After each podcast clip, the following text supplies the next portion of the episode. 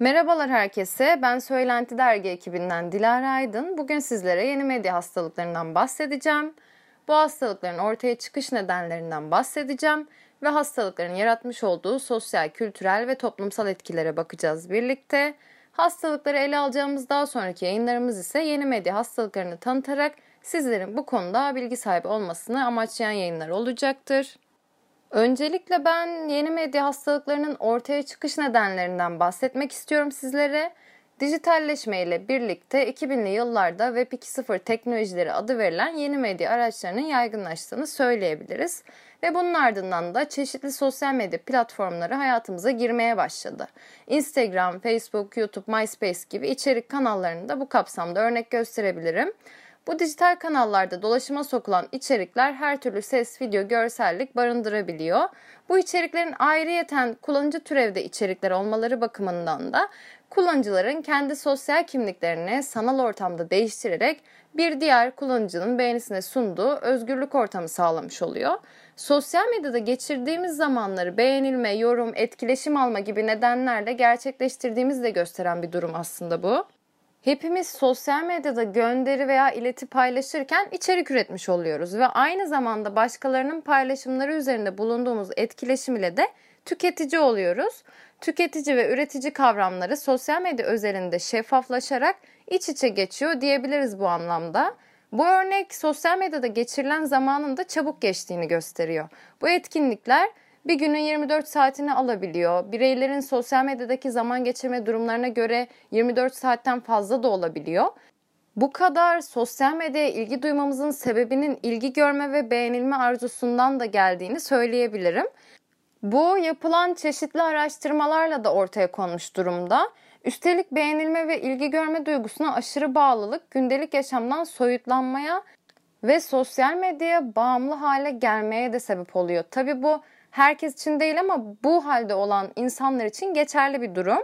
İnsanların asosyalleşerek sadece hayatını sosyal medyaya taşımış olması sosyal medya bağımlılığını da ortaya çıkaran bir sebep diyebilirim bu kapsamda.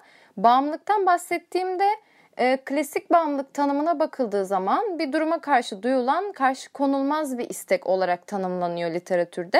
Sosyal medyaya bağımlı hale gelmiş birisi sosyal medya araçlarından uzaklaşmak veya tabletinin telefonun başından bir an olsun ayrılmayı geçelim. Sosyal medyada yönettiği sayfasının kapanmasını veya çalınmasını dahi istemez. Bu durum endişe verici gelebilir. Yani sosyal medyada hayatını yaşayan birisi için oldukça endişe verici bir durum olabilir bu. Bir de şunu unutmamak gerekiyor. Bağımlılıklarda aşırıya kaçma davranışı görülüyor. Örneğin aşırı yeme veya madde kullanma davranışı tıpkı sosyal medyanın aşırı kullanılması gibi birbirinden farklı konular gibi gözükse de aynı özelliğin ürünü aslında hepsi.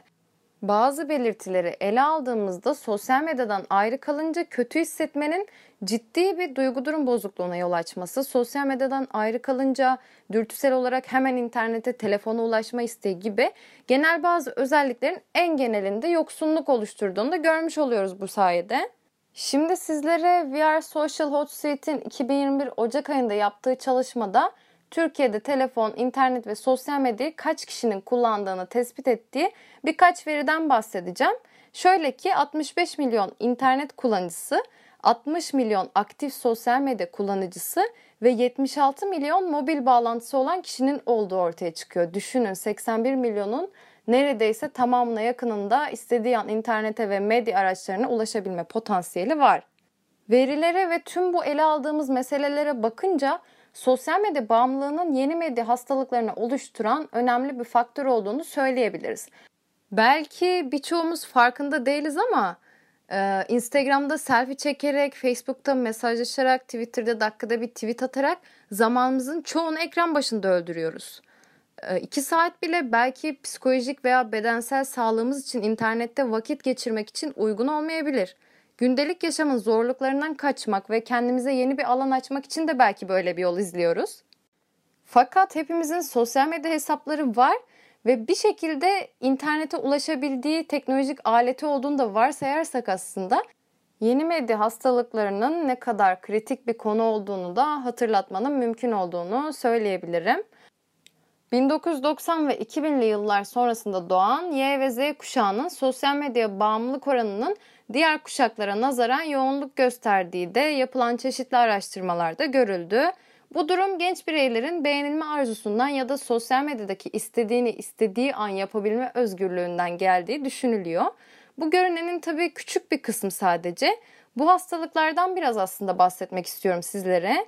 Yeni medya hastalıklarını saymam gerekirse fare klavye hastalığı, ego sörfü, Google takibi, siberkondri, photolurking, crackberry, cheese pudding, blog ifşacılığı, nomofobi, hikikomori, FOMO, YouTube narsizmi, MySpace taklitçiliği, Wikipedializm ve selfitis olarak karşımıza çıkıyor. Tüm bu hastalık tanımları yeni medya hastalıklarının sosyal, kültürel ve toplumsal etkilerini de açıklıyor bizlere. Sosyal yaşamımızda bu hastalıkların tıbbi olarak tanımlanabilir hale gelmesi, insanların farklı semptomlarla hastanelere başvurarak yeni tedavi modellerinin ortaya çıkmasına bir olanak sağlamış olması gerçekten de yaşamımızda ne kadar değişim ve dönüşümün gün yüzüne çıktığını göstermiş oluyor diyebilirim. Benim anlatacaklarım şimdilik bu kadardı. Dinlediğiniz için teşekkür ediyorum. Bir sonraki yayınımızda siberkondriyi anlatmış olacağım. Hepinize görüşmek üzere diyorum. Kendinize iyi bakın. Hoşçakalın.